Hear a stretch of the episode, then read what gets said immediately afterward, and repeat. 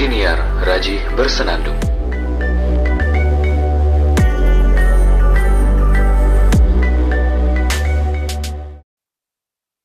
Akhirnya ngepodcast lagi setelah lama tidak ngepodcast. Kebiasaan buruk ini. Seharusnya ya, seharusnya ini podcast sudah sampai episode 170 gitu. Atau bahkan sudah ganti season. Ini kan masih season 1. Mungkin nanti akan ada season 2, season 3, season 4 dan lain-lain. Seharusnya kan seperti itu. Orang podcast ini sudah sejak tahun 2018 kok. Tapi karena jarang update, jarang ngonten, jarang memikirkan untuk apa yang akan saya sampaikan di episode berikutnya. Kemudian karena terlalu fokus pada belajar ya, jadi ini tidak tersentuh. Padahal platform saya untuk bikin konten itu banyak. Pertama blog di rajibersenandung.com.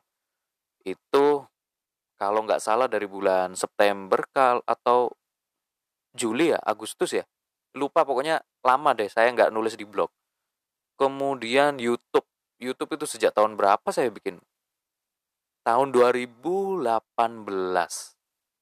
Eh, 2016. YouTube dari 2016. Kemudian eh, 2020 saya ngupdate. Cuma terakhir kali saya update itu bulan Mei kalau nggak salah. Itu update tentang eh, ngobrol bareng Raji the next level. Kemudian platform ketiga ada podcast. podcast ini ya Allah, parah banget. Sudah bikin podcast dari tahun 2018 tapi masih gini-gini aja. Nama podcastnya ya ini Raji Bersenandung. Kemudian saya sempat bikin podcast lagi namanya podcast belajar sosiologi. Tapi karena sudah aduh, serak suaraku. Oke. tapi karena ada yang sudah bikin belajar sosiologi yo pakai nama belajar sosiologi di YouTube. Nah, akhirnya saya jadi agak minder digantilah saya ganti akhirnya belajar sosiologi jadi bersosiologi, bersosiologi. Nah, sudah ada tiga episode, tapi karena saya juga bingung nanti mengemasnya seperti apa, takut tidak menarik dan lain-lain, saya hapus. Podcastnya saya hapus. Jadi sementara ini yang tadinya saya punya dua, jadi ya satu saja podcastnya ini aja gitu. Dan ini menjadi ladang curhat saya. Jadi ladang untuk bercerita. ya itu cuma sekedar sekedar obrolan awal aja saya pengen bahas soal bully ini bully ini nggak pernah selesai bully atau perundungan gitu itu tidak akan pernah selesai masalah ini selama anak anak-anak itu masih dibiarkan untuk berperilaku seenaknya sendiri. Betul nggak sih ini statementku? Aku nggak ngerti ya aku nggak ngerti. Soalnya uh, sampai saat ini aku berkesimpulan bahwa orang yang suka ngebully itu adalah orang yang sebenarnya ingin dihargai. Pertama, yang kedua, dia membuli seperti itu itu efek dari kehidupan lingkungan dia, entah lingkungan di sekolah atau lingkungan di rumah. Nah, lingkungan yang lebih dominan biasanya lingkungan di rumah, karena di rumah dia tidak dihargai, kemudian di rumah dia juga dirundung, atau di rumah dia itu digoblok-goblokin mungkin mungkin ya mungkin mungkin. Akhirnya dia mempraktekkan itu di sekolah. Agar dia dapat perhatian dia juga dihormati. Karena di rumah dia tidak dihormati tidak dimanusiakan. Akhirnya dia berusaha untuk menjadi manusia. Kayak nama podcast. Oke. Okay. eh itu nama podcast apa? Nama Instagram ya? Menjadi manusia aku lupa. Sorry sorry sorry. Uh, ya seperti itu. Itu kesimpulan terakhir saya sih. Saya belum tahu um, penyelidikannya lebih lanjut ya. Mungkin perlu ngobrol sama anak-anak psikologi nih karena teman-teman psikologi kan lebih paham gitu tentang psikolog psikisnya anak yang dirundung anak yang merundung gitu nah pendapat saya ya mereka ingin mencari perhatian Nah, kemudian mereka mencari orang yang sekiranya bisa memberikan perhatian dan tidak punya power lebih. Caranya, ya ditindas dan dirundung. Inilah. Saya tadinya itu pengen nyalahin dan marah-marahin orang yang merundung loh ya. Maksudnya orang yang ngebully di sekolah, di ya biasanya perundungan ditemukan di sekolah sih atau di tempat kuliah mungkin tapi ternyata kok saya saya akhirnya berpikir saya tidak bisa menyalahkan mereka juga hmm, ya mereka kan seperti yang saya bilang tadi mereka berbuat seperti itu berperilaku seperti itu karena ya efek lingkungan yang membentuk dia gitu. Oke. Saya menyalahkan lingkungan ini berarti. Ya gimana lagi? Saya gimana lagi ya? Siapa lagi atau apa lagi yang bisa saya salahkan kalau bukan lingkungan yang membentuk dia gitu. Ada lingkungannya itu hangat, maka dia akan merasa dihargai, merasa menjadi benar-benar menjadi seorang manusia, bisa meluapkan emosi dengan tenang, bisa bercengkrama dengan tenang. Bercengkrama itu betul nggak sih? uh, maksudnya bisa bisa berkomunikasi dengan baik, bisa berinteraksi dengan baik, dengan dengan santai, dengan enak, dengan hangat. Ngerti gak sih maksudku? Pokoknya gitulah. Nah, ketika itu tidak ditemukan, maka ya dia kan akhirnya itu ada efek ke psikisnya dia begitu loh, sehingga akhirnya dia mencari pelampiasan di tempat lain. Nah, seperti yang saya bilang di awal, lingkungan yang paling dominan itu keluarga. Karena mau tidak mau, keluarga itu tempat berangkatnya seseorang, seorang individu. Ya, individu itu lahir ya dari kecil dilahirkan oleh orang tuanya, ibunya yang melahirkan gitu. Bukan bapak. ya.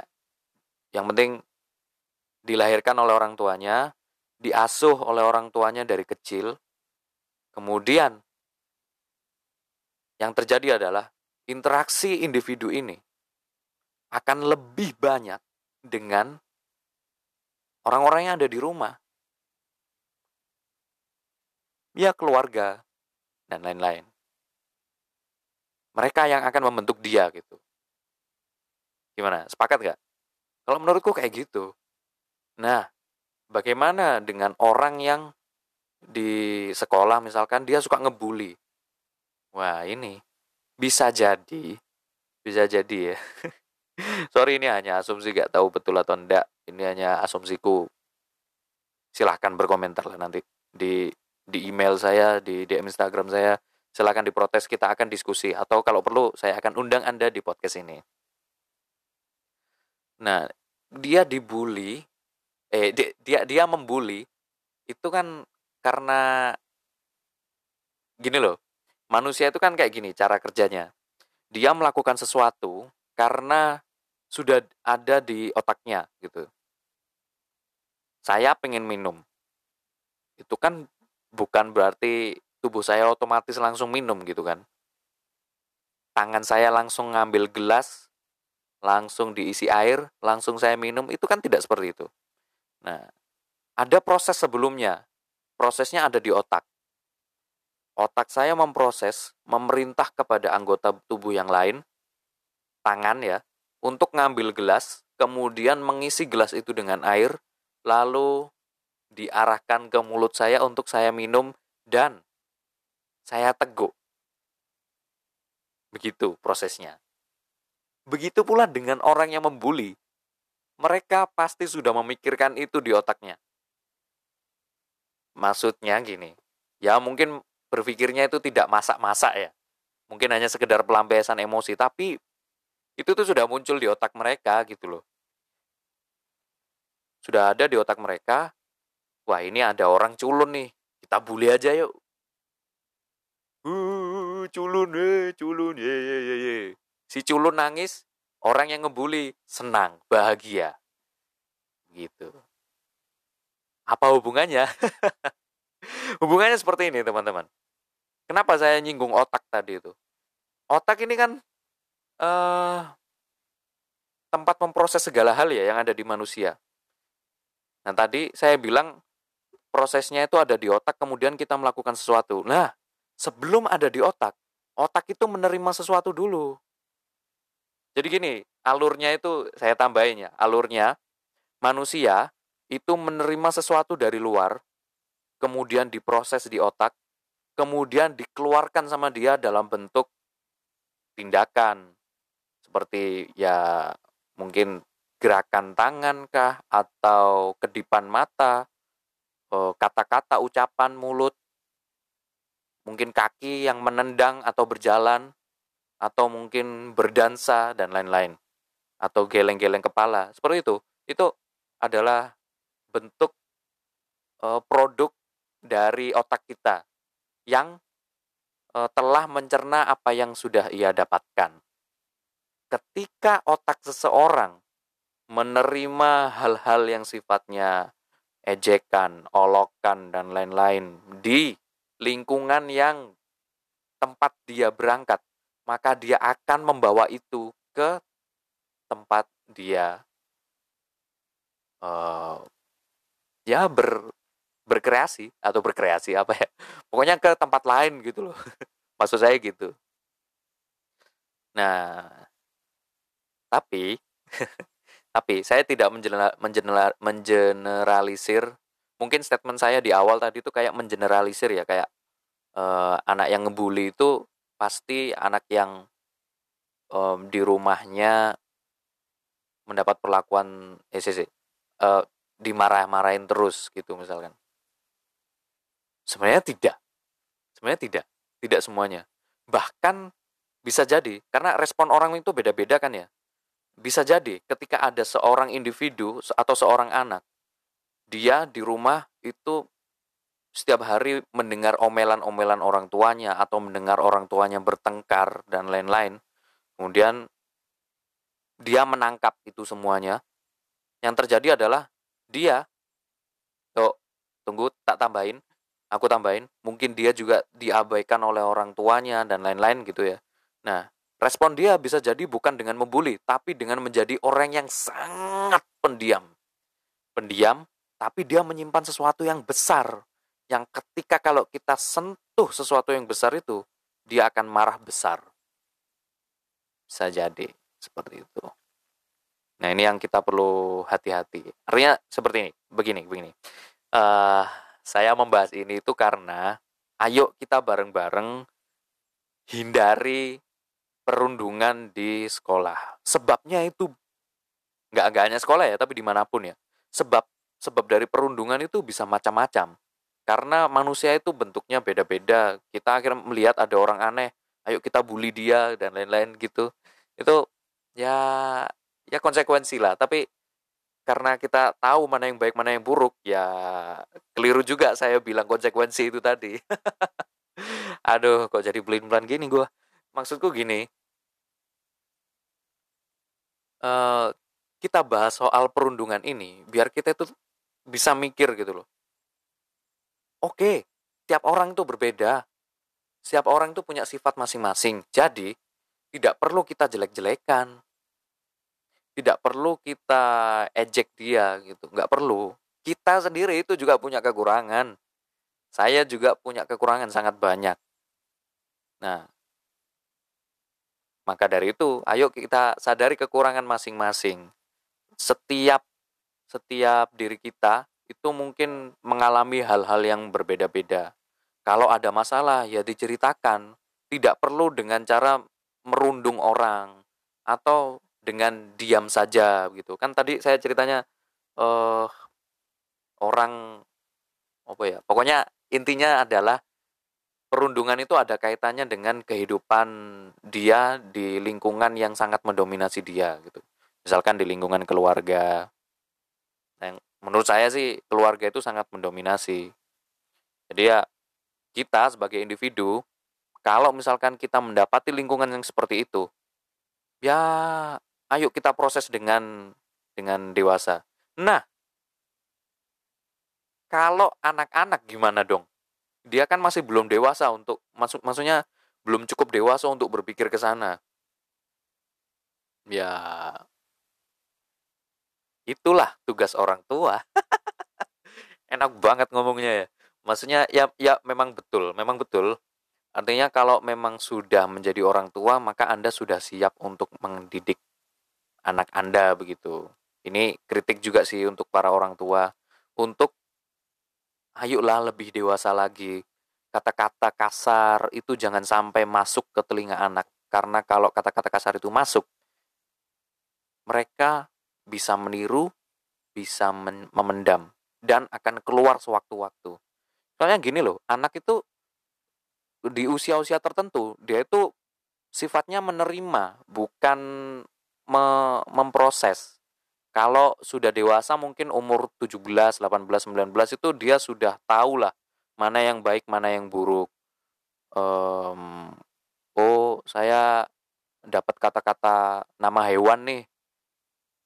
Kapankah saya menggunakan ini? Apakah per, atau perlukah saya pakai kata-kata ini dalam berinteraksi dengan kawan-kawan saya? Itu di umur tertentu sudah bisa mikir. Nah, anak-anak apakah bisa? Belum tentu. Karena dalam rentang waktu ter ter tertentu, anak-anak itu sifatnya adalah meniru dan menerima. Nah, kalau misalkan orang tuanya itu, misalkan si ayah suka ngebully ibunya, eh, bukan ngebully ya, istilahnya itu mungkin eh, ngatain ibunya gitu. Maka di sekolah anak akan niru ngatain temennya. Bener nggak sih logikaku? Cuma ya, ya pikirku ya ya seperti itu memang. Alhasil ketika si anak ngatain temennya, temennya sakit hati, merasa dirundung, dia mendapatkan lingkungan yang buruk lagi.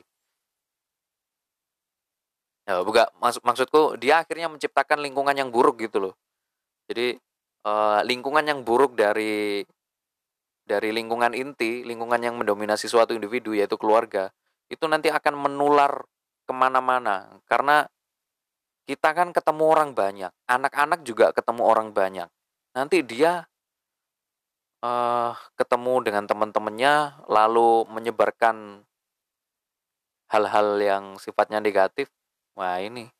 Nanti anak itu yang disalahin dia tidak salah dia hanya merasa merasa sepertinya lega ya kalau mengatakan ini gitu atau sepertinya kalau saya ngebully itu wow saya sudah mempraktekkan ilmu baru karena saya sudah mendapatkan ini di rumah. Nah, kayak gitu loh maksudku.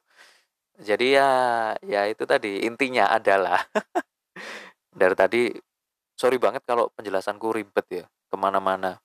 Intinya adalah eh, perundungan itu ayo kita perangi dan kita kurangi. Jika kita sudah dewasa, maka alangkah lebih baiknya kita memandang setiap orang itu setara sama-sama manusia, punya kelebihan dan punya kekurangan. Kayak gitu. Sehingga kalau kita melihat ada kawan kita yang mungkin uh, mungkin mohon maaf nih difabel atau mungkin berbeda dari yang lain, itu jangan dibully, jangan dirundung, tapi berkawanlah dengan dia. Toh kita juga punya kekurangan gitu loh. Dia punya kekurangan, kita juga punya kekurangan. Ya sudah. Nggak usah dibully kita sama-sama punya kekurangan. Itu. Kalau kita sudah dewasa, ya seperti itu. Nah, kalau misalkan perundungan ini terjadi pada anak-anak, anak-anak tetap kita tegur, tetap kita ingatkan dengan bahasa yang yang sedemikian rupa kreatifnya gitu. Pokok sekreatif mungkin. Tidak dengan memarahi dia. Kalau memarahi dia nanti mentalnya akan semakin drop. Kita perlu ingat bahwasanya anak-anak itu seperti yang saya bilang tadi, mereka itu ada masa-masa tertentu untuk memproses apa yang mereka dapat, meniru meniru apa yang mereka dapat. Begitu. Nah, kalau misalkan terjadi di di anak-anak, ya kita tegurlah orang tuanya. Apakah orang tuanya benar-benar melihat anak ini? Benar-benar memperhatikan anak ini gitu. Karena bisa jadi orang tua orang tuanya tidak banyak marah-marah. Cuma Orang tua tidak terlalu memberikan perhatian khusus pada anaknya terkait perilaku perilaku-perilaku yang yang kurang bagus seperti merundung dan lain-lain gitu. Menghargai gitu, pelajaran menghargai itu masih kurang di diinternalisasikan ke anak-anaknya. Mungkin, mungkin, mungkin seperti itu. Saya bukan psikolog tapi ya itulah pendapat saya berdasarkan uh, mendasarkan otodidak perlahan-lahan lah jadi hasil analisa kecil-kecilan lah kayak gitu sih. Nah, memang orang tua juga karena sudah dewasa ya ayolah ayolah untuk tidak sulit di dibilangin gitu. Ayolah untuk siap selalu mengevaluasi karena mau segimanapun atau seberapapun umurnya orang tua ya mereka itu tetap belajar. Orang tua tetap belajar bela sampai kepleset kan belajar. Artinya dalam mengedukasi anak-anak orang tua itu sebenarnya juga ngelihat apakah benar yang aku lakukan ini? Gitu. Kalau misalkan saya salah nanti saya akan evaluasi saya akan perbaiki. Kalau saya ternyata dengan e, cara yang tegas ini ternyata saya tidak dekat dengan anak dan anak saya menjadi lebih buruk, sepertinya saya perlu memberikan pendekatan yang lebih hangat. Ternyata dengan lebih hangat, dia menjadi anak yang cair dan juga anak yang semakin menebar kemanfaatan atau eh bukan maksudku menebar kebaikan gitu di mana-mana, baik di lingkungan keluarga maupun di lingkungan teman-temannya. Ya gitu sih. BTW saya dulu dibully. saya dulu dibully. Saya jujur aja dulu saya itu lebih banyak nerima uh, insight atau otak saya itu terlalu banyak memproses tentang kita itu harus jadi orang yang baik.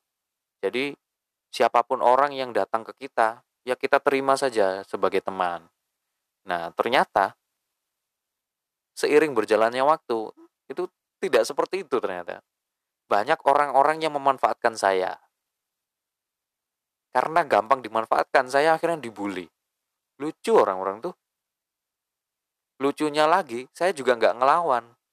Nah, makanya eh, rentang waktu yang agak lama saya dibully dan diperlakukan dan diperalat seperti itu, akhirnya saya mikir dan uh, mindset saya berubah.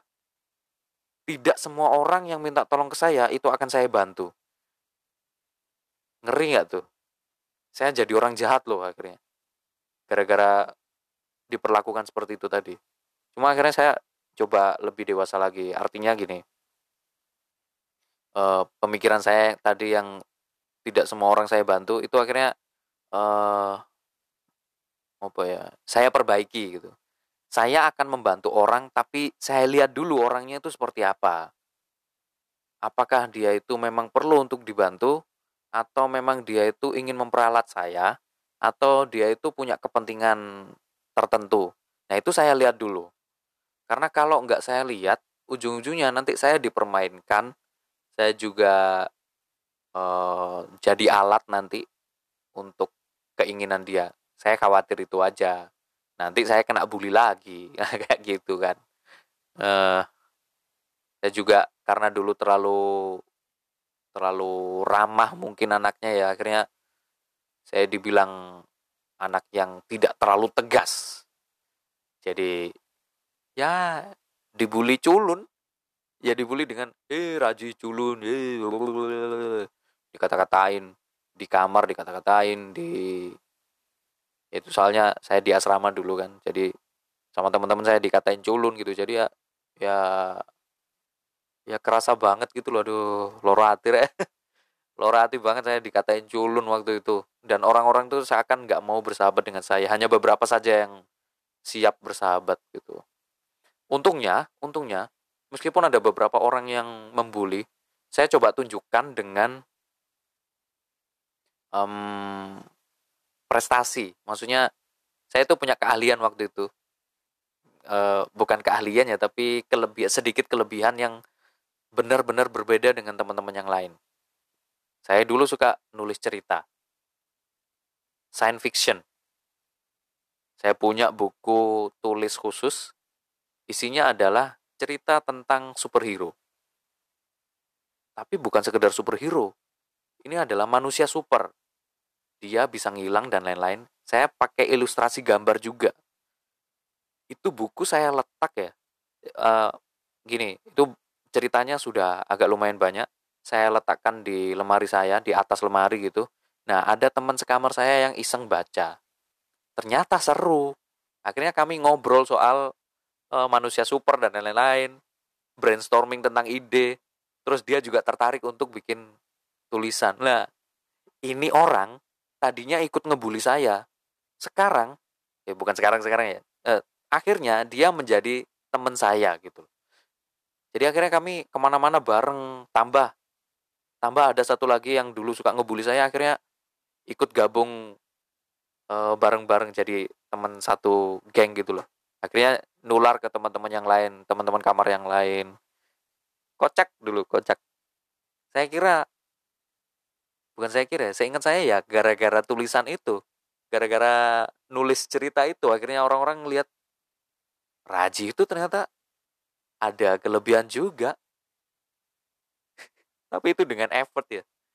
Maksudnya saya juga belum belum ada kesadaran untuk uh, menunjukkan saya itu harus bebas dari kebulian gitu. Ya saya pengen untuk bebas dari bully bebas dari dibully. Cuma itu itu terjadi tidak tidak sengaja gitu loh. Orang-orang jadi respect sama saya gara-gara tulisan. Itu kocak sih kocak. Cuma ya ya syukur alhamdulillah itu saya bisa terbebas dari bully. Nah uh, itu hanya sekedar cerita saja dan ceritanya juga nggak semua orang seperti itu kan. Cuma mungkin bisa jadi tips bagi anda yang dibully. Coba tunjukkan keahlian anda kelebihan anda ke orang-orang yang lain. Bisa jadi kelebihan anda itu tidak ada di orang-orang yang lain. Orang-orang yang lain tidak punya kelebihan seperti anda. Itu tunjukkan dan keluarkan ketika anda menunjukkan bahwasanya anda ahli dalam sesuatu orang-orang akan respect itu cara untuk keluar dari ruang pembulian. Anda selama ingin selamat dari pembulian, lakukan cara itu. Itu tips dari saya sih. Berdasarkan pengalaman. tapi again, pengalaman itu bukan berarti betul. Ya ada betulnya tapi bukan 100% akurat gitu. Ya boleh dicoba lah, tapi nanti uh, Anda harus siap mengevaluasi apakah itu manjur atau tidak begitu.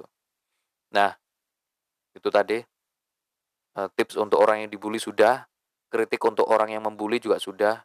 Nah, ketika Anda ingin punya rasa uh, pesan untuk orang yang membuli juga sudah. Ketika Anda ingin membuli, tahan, tahan. Coba sadari bahwa setiap orang itu punya kelebihan masing-masing dan punya kekurangan. Siapa pun kita, sesempurna apa pun kita punya duit banyak, punya HP iPhone 12 mungkin. Tapi kita juga punya kekurangan gitu loh. Meskipun iPhone-nya iPhone 12, meskipun wajah kita rupawan, kita juga punya kekurangan. Ya, ya sudah. Ya sudah, setiap orang itu punya kekurangan. Jadi teman sajalah kita itu. Ngapain harus ngebully itu? Ngebully itu justru malah Coba coba gini, gini. Ketika eh Anda para pembuli. coba posisikan Anda menjadi seorang yang dibully. Gimana perasaan Anda? Aku nggak ngerti sih, Anda nanti ngerasain kayak gimana. Kalau saya jadi orang yang dibully, ya sakit hati. Makanya saya mencoba menghindari untuk membuli orang. Meskipun saya benar jujur dalam lubuk hati, bukan lubuk hati ya, maksudnya uh, jujur saya pernah bernafsu untuk e, membuli orang karena dia itu punya kekurangan apa gitu. Jujur itu pernah terjadi. Tapi saya tahan. Kalau itu saya keluarkan,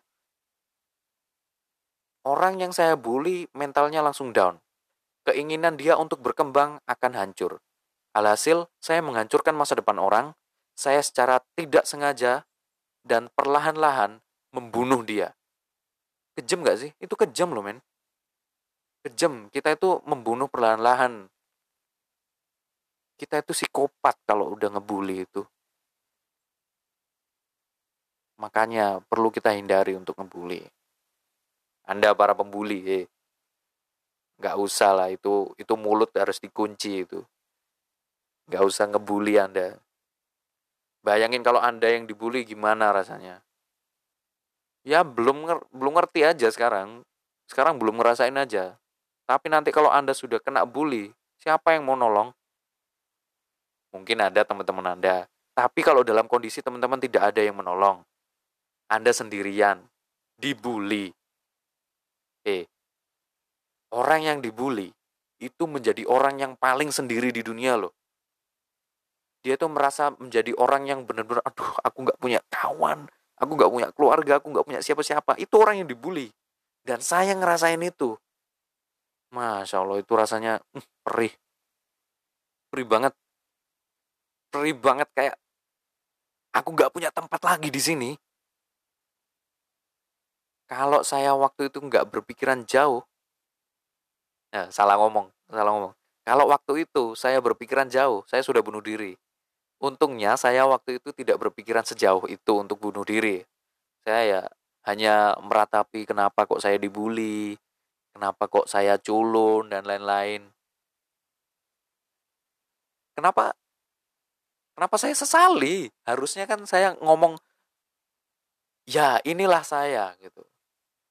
Inilah saya saya tidak perlu menjadi orang lain. Saya harus bukan harus ya, tapi saya cukup menjadi diri sendiri saja. Alasan kenapa saya harus menjadi orang lain adalah karena orang lain ngatain saya. Itu. Dan sampai sekarang budaya ngatain itu masih banyak. Apalagi di media sosial. Kalau soal media sosial kita bahas di episode lain aja lah. ya itulah soal ngata-ngatain ini. Hentikanlah ngata-ngatain. Anda yang sudah dewasa, yang sudah tahu mana yang baik, mana yang buruk, coba hentikan ngata-ngatain. Anda yang megang media sosial itu perasaan ngata-ngatainnya itu ditahan dulu deh. Saya nggak peduli umur Anda berapa ya. Umur Anda mau masih kecil kah atau Anda sudah tua. Mbok ya dikurangin itu. Bukan dikurangin tapi dihilangkan rasa ingin ngatainnya itu. Tidak baik. Eh, sekalinya Anda ngatain, maka Anda sudah menghancurkan masa depan orang lain. Anda sudah membunuh dia secara perlahan. Kejam. Terima kasih. Sampai jumpa. Sampai jumpa. Sering kepleset ini. Terima kasih. Sampai jumpa di episode berikutnya. Podcast Haji Bersenandung